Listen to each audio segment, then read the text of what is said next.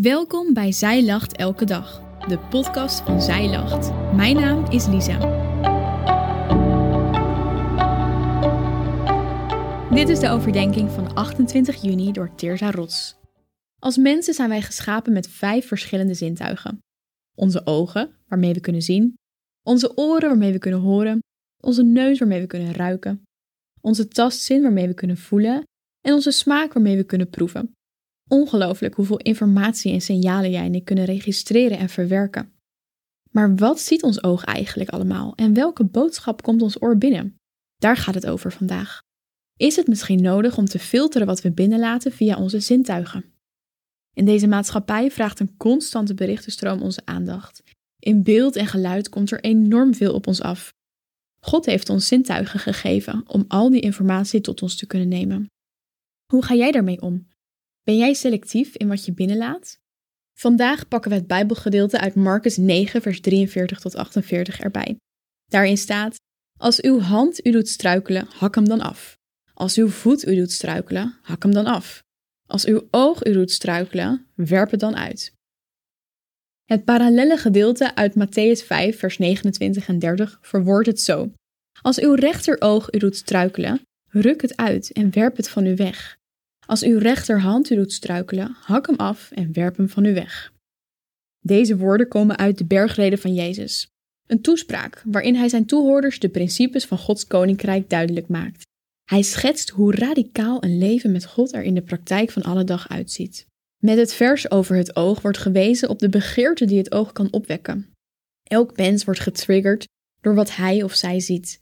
Welk verlangen wordt opgewekt door wat jouw oog binnenkomt? Wat doet dit verlangen met jou en wat doe jij met dit verlangen? De maatschappij waarin we leven is gericht op het direct willen vervullen van verlangens. Hierdoor worden we negatief beïnvloed. Bij God gaat het om karaktervorming. Dit staat recht tegenover elkaar.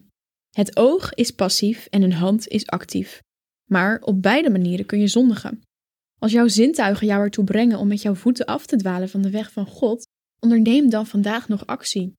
De vorige versen uit Marcus en Matthäus vervolgen dat het beter is om geamputeerd door het leven te gaan en zo het eeuwige leven te behouden, dan om met al je ledematen er nog aan van God gescheiden verder te leven. De keuzes die jij maakt hebben een effect op jouw leven. Bescherm jezelf. Waak over wat er op je netvlies komt en je hart binnenkomt. Maak bewust keuzes in wat jij binnenlaat. Welke keuze maak jij bijvoorbeeld in het kijken naar series?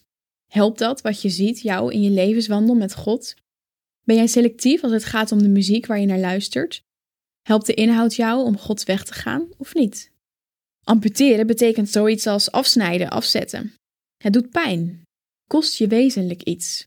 Uiteraard betekent dit niet dat wij onszelf letterlijk moeten amputeren om onszelf te behoeden voor het kwade, maar dit gedeelte is heel radicaal. God wil dat wij leven in gehoorzaamheid aan Hem. Misschien ben je getrouwd en ben je verliefd op iemand anders. Wat doe je dan? Of je bent verwikkeld in een overspelige relatie. Ook dan deze aansporing. Breek vandaag definitief met datgene wat jouw relatie met God in de weg staat. De kern van Jezus' woorden is dat we ons in het natuurlijke leven beter iets kunnen ontzeggen omwille van het koninkrijk van God, dan dat we in dit tijdelijke leven in zonde vallen en daardoor het eeuwige leven mislopen. Het is een stevige boodschap, scherp en pijnlijk, het snijdt in onze levens en onze verlangens. Het is bedoeld om ons te beschermen. Daarom de dringende oproep aan jou om gehoor te geven aan deze Bijbelse boodschap. God wil jou op die manier dicht bij zijn vaderhart houden. Dat is de allerbeste plek waar je voor altijd kunt zijn.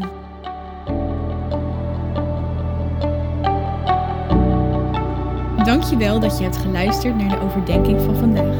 Wil je de overdenking nog eens nalezen? Check dan onze website. Je vindt daar ook nog meer toffe dingen die jou helpen om de Bijbel vaker te openen, zoals boeken, Bijbels, cursussen en evenementen. Morgen ben ik weer bij je terug met een nieuwe overdenking. Tot dan!